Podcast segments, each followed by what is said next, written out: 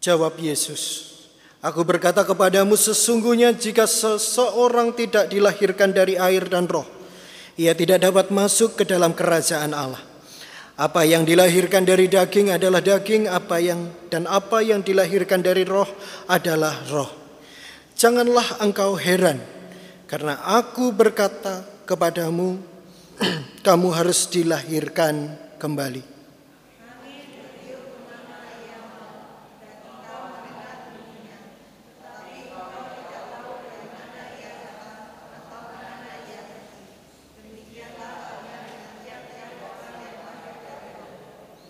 Nikodemus menjawab katanya, "Bagaimanakah mungkin hal itu terjadi?"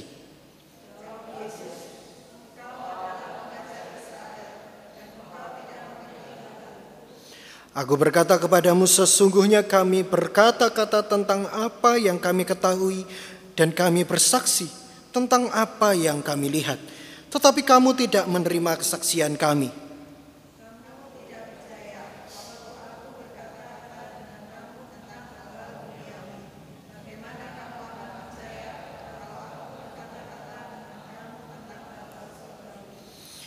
Tidak ada seorang pun yang telah naik ke surga selain daripada dia yang telah turun dari surga yaitu anak manusia.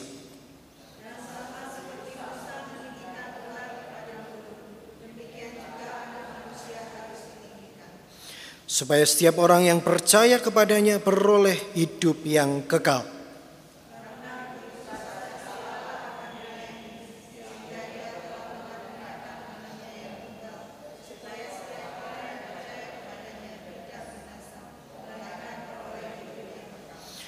Sebab Allah mengutus anaknya ke dalam dunia bukan untuk menghakimi dunia, melainkan untuk menyelamatkannya oleh dia.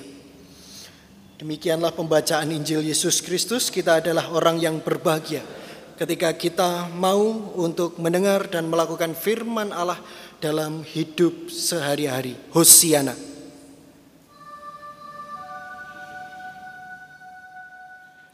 Hosiana,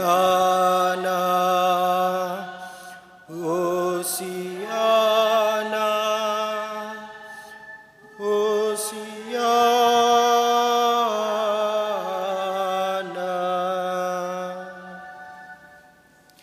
Ada seorang perempuan muda Vietnam suatu hari ia membeli kupon lotre yang berhadiah 8,2 miliar rupiah. Ketika nomor-nomor itu diundi dan keluar dia melihat sekilas nomor miliknya lalu kemudian mencocokkan dengan nomor yang keluar. Dan dia saat itu menjerit kegirangan. Ya ampun, aku menang. Aku dapat uang 8,2 miliar. Saking gembiranya perempuan yang dari keluarga kurang mampu ini ingin pinjam uang untuk bagi-bagi hadiah. Dia ingin bersyukur kepada saudara-saudara, kepada kerabat dan teman-temannya. Waktu itu sebenarnya ibu dari perempuan ini, saudara-saudara, sebenarnya sudah berpesan kepadanya. Sudahlah, jangan utang dulu. Tunggu uh, hadiah itu sampai ke tangan kita, tunggu sampai uang lotre itu datang kepada kita, ada di tangan kita, barulah kamu bagikan kepada mereka. Tetapi perempuan itu sudah terlanjur kegirangan dan dia mengatakan jangan khawatir mah. Kita kan sudah pasti menang. Dia mengatakan demikian.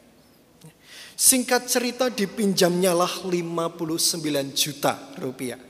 Para tetangga diberikan hadiah, para sahabat ditraktir makan, eh, kaum miskin juga diberikan sumbangan. Lalu kemudian dia urus pengambilan hadiahnya, periksa lagi nomornya dicocokkan. Nomornya sama. Tapi urutannya tidak persis sama. Berbeda dengan apa yang dia lihat sebelumnya. Tidak jadi dapat apa-apa sepeser pun tidak. Malah sekarang dia jadi uh, utang 59 juta. Hanya karena dia merasa yakin, karena dia merasa sudah tahu, sehingga merasa tidak perlu untuk mengoreksi kembali apa yang dia lihat. Bapak Ibu Saudara yang terkasih dalam nama Tuhan untuk urusan yang menggembirakan saja. Manusia ini kerap kali enggan untuk mengoreksi dirinya. Apalagi sesuatu yang sifatnya memalukan atau buruk seperti dosa atau kesalahan manusia. Wah, malah lebih lagi. Dia enggan mengoreksi. Lalu biasanya saudara-saudara apa kira-kira yang membuat manusia ini sulit mengoreksi kembali atau memperbaiki dirinya sebagai manusia? Kira-kira apa saudara-saudara? yang membuat kita kesulitan untuk memperbaiki diri.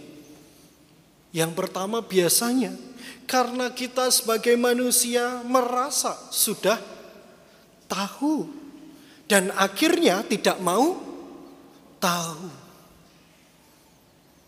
Atau mungkin karena kita terlalu gengsi, malu untuk mengakui bahwa kita adalah orang yang bersalah. Atau barangkali alasan yang lain saudara-saudara kita merasa bahwa perubahan itu bukanlah satu hal yang penting dalam hidup ini. Kita sudah berada di dalam zona nyaman kita dan oleh karenanya ya kita harus konsisten buat apa berubah. Buat apa memperbaiki diri. Nah saudara-saudara yang terkasih Yohanes 3 adalah sebuah perikop yang sebenarnya sangat familiar bagi orang Kristen. Kita sebagai orang Kristen tentunya sangat sering mendengar uh, atau membaca uh, bacaan ini saudara-saudara. Khususnya yang paling kita ingat adalah Yohanes 3 ayatnya yang ke 16. Ya. Apa saudara-saudara bunyinya? Karena begitu besar kasih Allah akan dunia ini dan seterusnya itu. Yang biasanya kita hafalkan dari perikop ini saudara-saudara hanya yang ayat 16. Tetapi jarang sekali dari antara kita yang juga mengetahui bahwa ayat ini ini dibalut oleh sebuah perikop kisah yang juga tidak kalah luar biasanya. Yaitu kisah mengenai seorang yang bernama Nikodemus. Siapa Nikodemus ini saudara-saudara? Nikodemus ini adalah salah seorang farisi yang pada waktu itu menaruh hati kepada Yesus. Ia sering digambarkan sebagai orang yang bingung setengah percaya.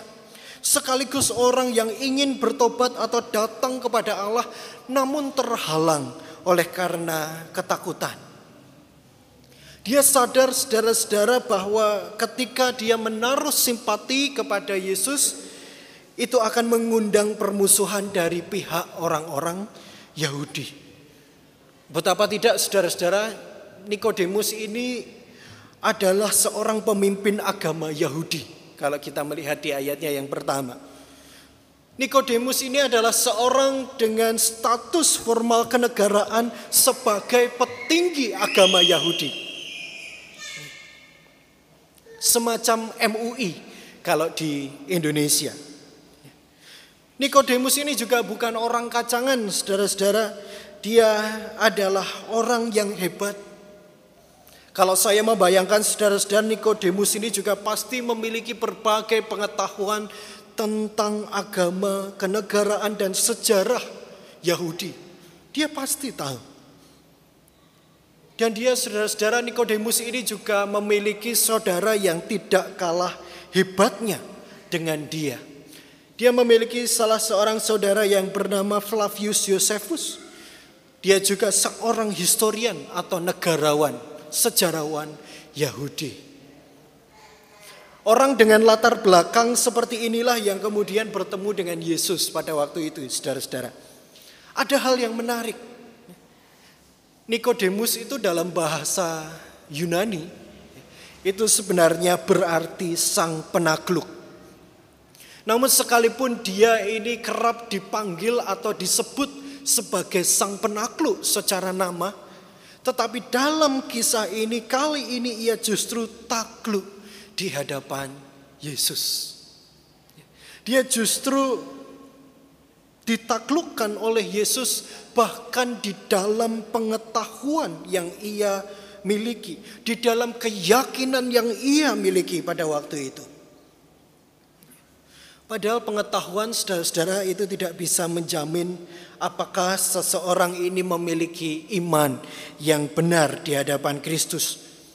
Pengetahuan tidak dapat menjamin apakah seseorang memiliki penghayatan yang benar kepada Yesus, sosok yang kita anggap dan kita percaya sebagai juru selamat.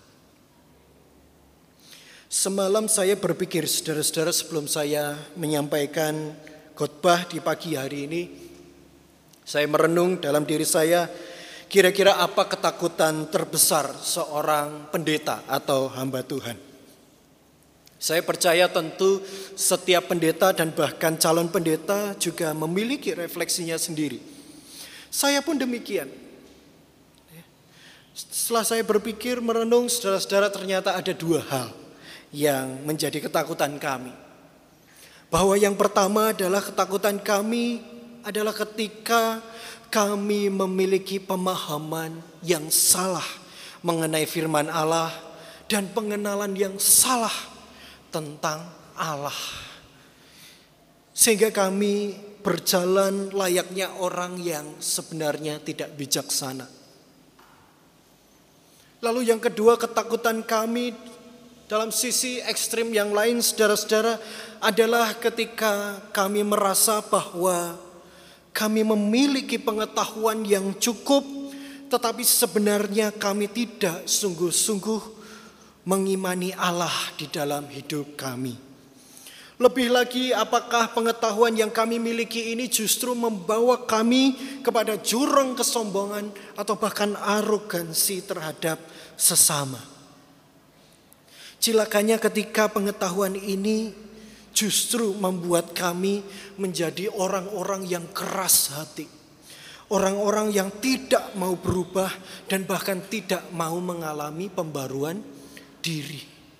Kami tidak mau memperbaiki diri kami. Saudara-saudara yang terkasih, adakah yang pernah mengamati atau uh, suka mengamati apa yang paling membedakan profesi pendeta dengan profesi dan pekerjaan yang lain dari segi busana, saudara-saudara. Ada yang pernah mengamati? Apa yang paling membedakan biasanya? Apa? Toga? Toganya?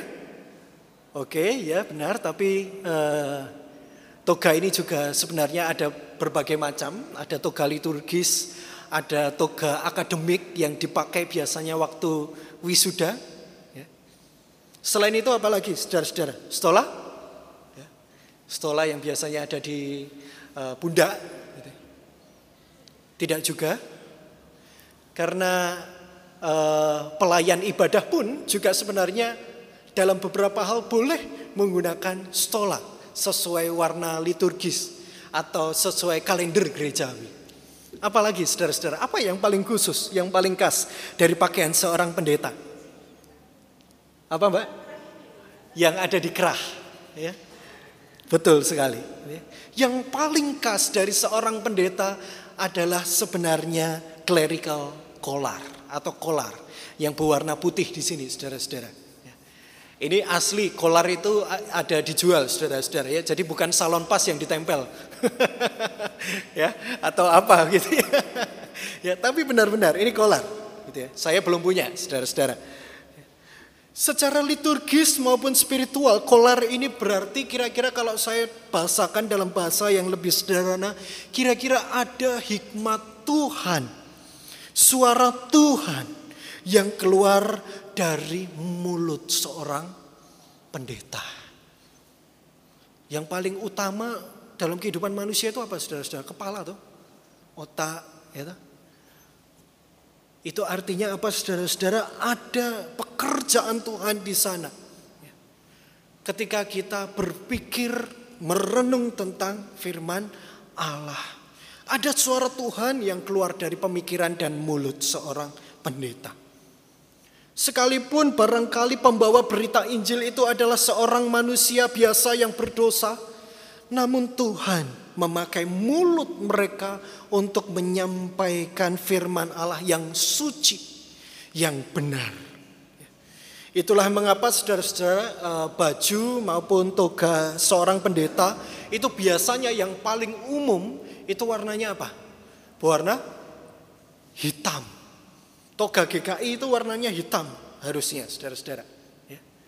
Secara umum toga GKI itu hitam. Karena apa saudara-saudara ini memiliki penghayatan. Ya. Melambangkan kegelapan dan dosa. Bahwa pendeta adalah seorang manusia biasa. Ya, seperti manusia yang lain. Yang juga dipanggil, diangkat dari kehidupan dosa. Dan kemudian dipulihkan. Dan clerical collar yang berwarna putih itu melambangkan kesucian, kemurnian, dan kebenaran. Simbol ini sejatinya begitu mendalam sebenarnya, saudara-saudara. Karena saya ketika saya berpikir kembali tentang pakaian liturgis seorang pendeta ini, saya kemudian juga berpikir, ya, jangan-jangan sebagai profesi yang disumpah untuk bertanggung jawab akan pengetahuan yang kami miliki, kami justru berlaku sebaliknya. Banyak gelapnya daripada putihnya, saudara-saudara. ya. Saya juga mengandai mengandai-andai saudara mengandai uh, bahwa Bapak Ibu Saudara juga paham ya uh, apa bedanya profesi dengan pekerjaan. Ya. Ini sesuatu yang berbeda saudara-saudara.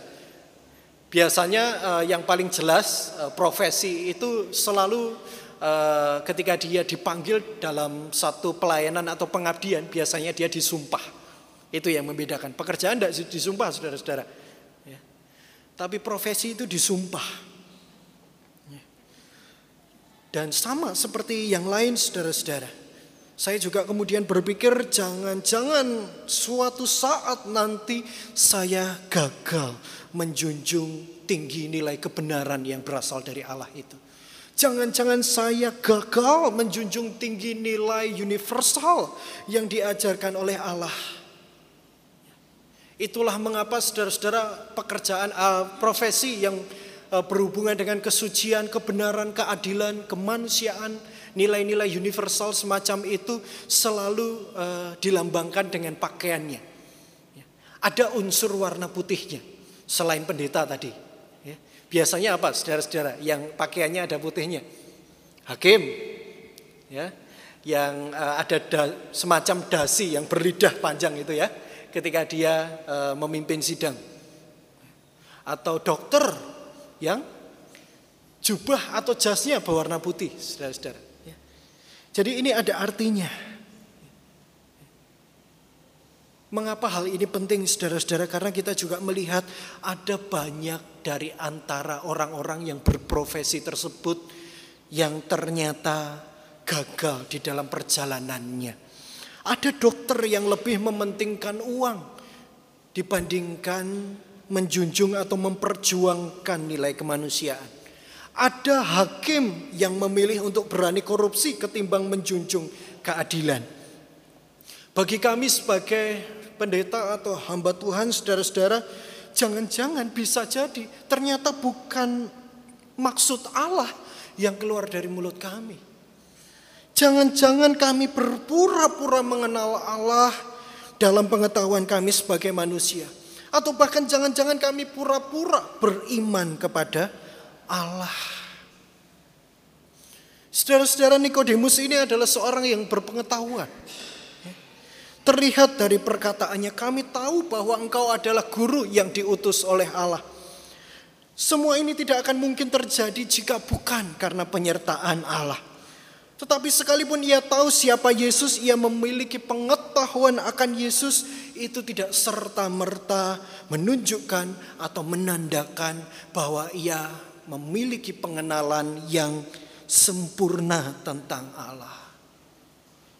Itu tidak serta-merta menandakan bahwa dia mengerti maksud Allah yang sesungguhnya Ternyata pengetahuan dan perkataan sebagaimana kita sebagai manusia saudara-saudara tidak selalu mengisyaratkan bahwa sebagai manusia yang memiliki pengetahuan dan perkataan yang baik kita telah mengenal Allah atau mengalami firman-Nya secara utuh.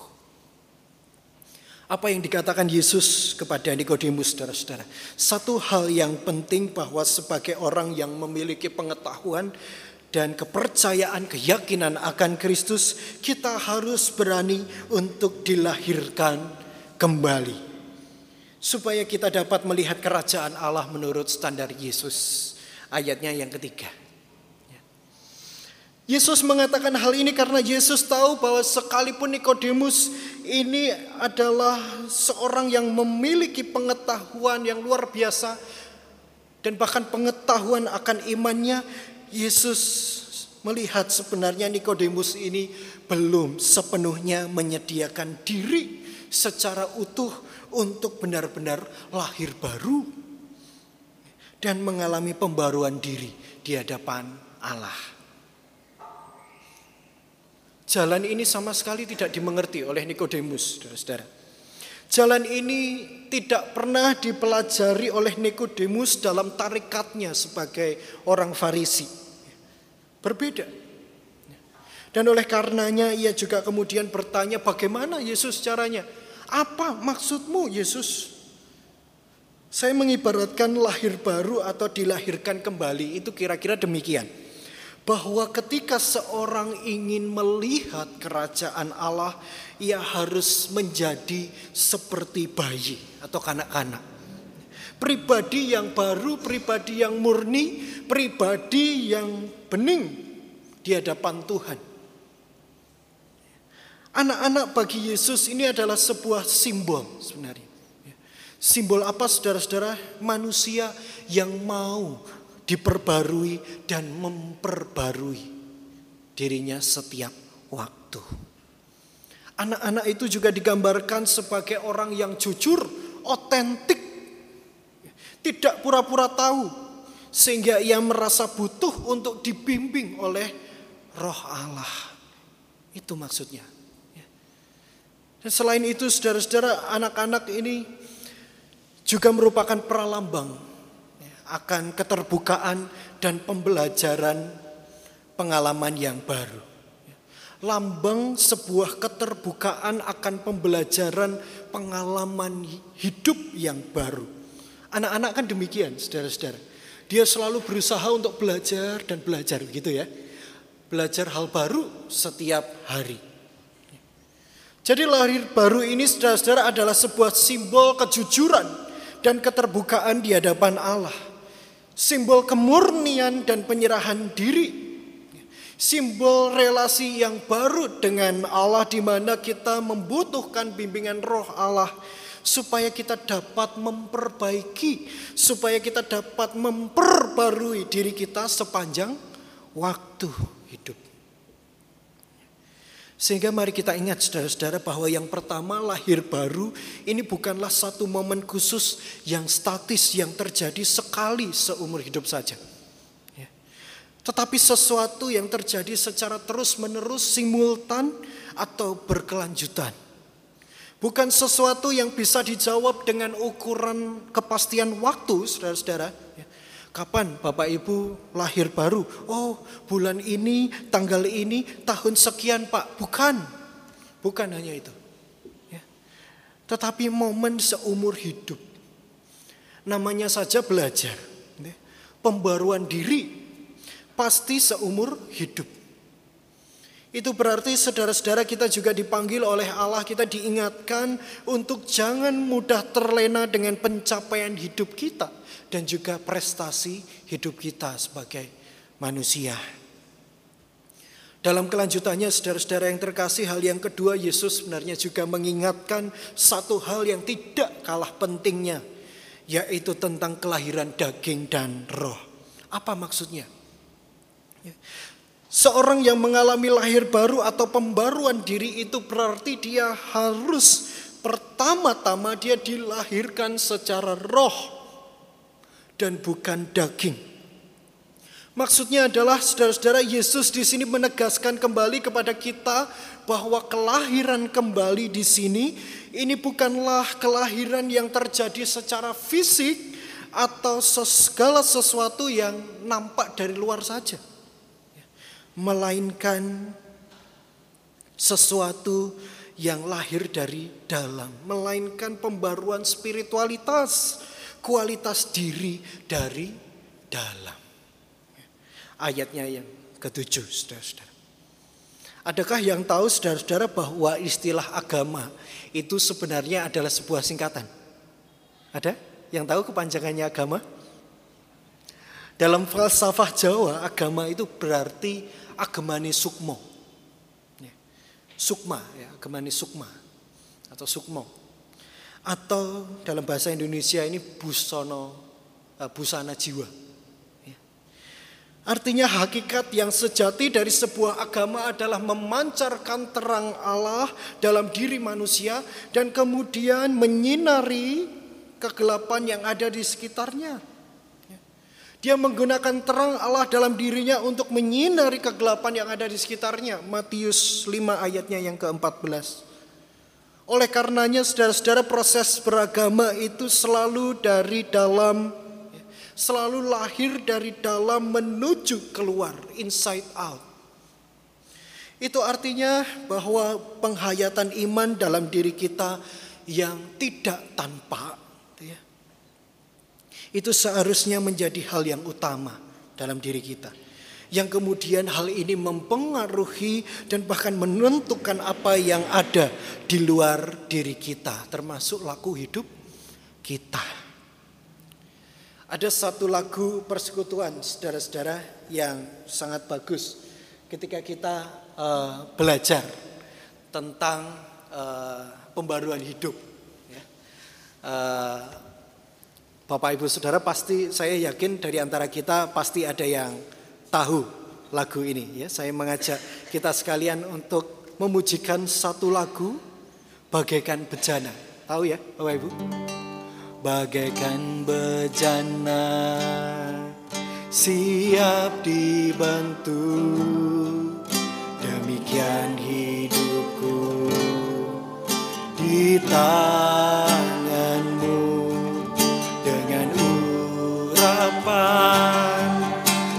kuasa rohmu ku dibaharui selalu. Jadikanku alat.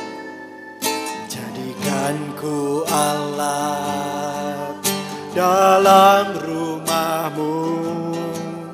Inilah hidupku di tanganmu.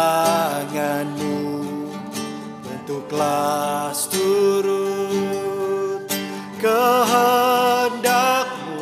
pakailah. Pakailah sesuai rencanamu. Ku mau sepertimu. Ku mau sepertimu Yesus. Disempurnakan selalu. Dalam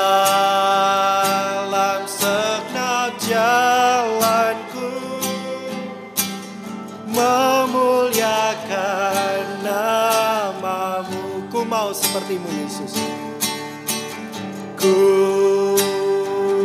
mau sepertimu Yesus Disempurnakan selalu Dalam segenap jalanku memuliakan namamu.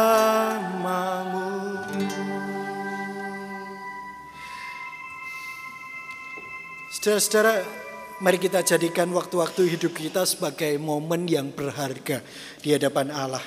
Di mana kita mau untuk senantiasa memperbaiki diri kita dan memperbarui diri kita dalam kesungguhan hati. Dan bahkan juga di dalam pikiran, dan lagu hidup kita setiap waktu. Tuhan memberkati kita. Amin.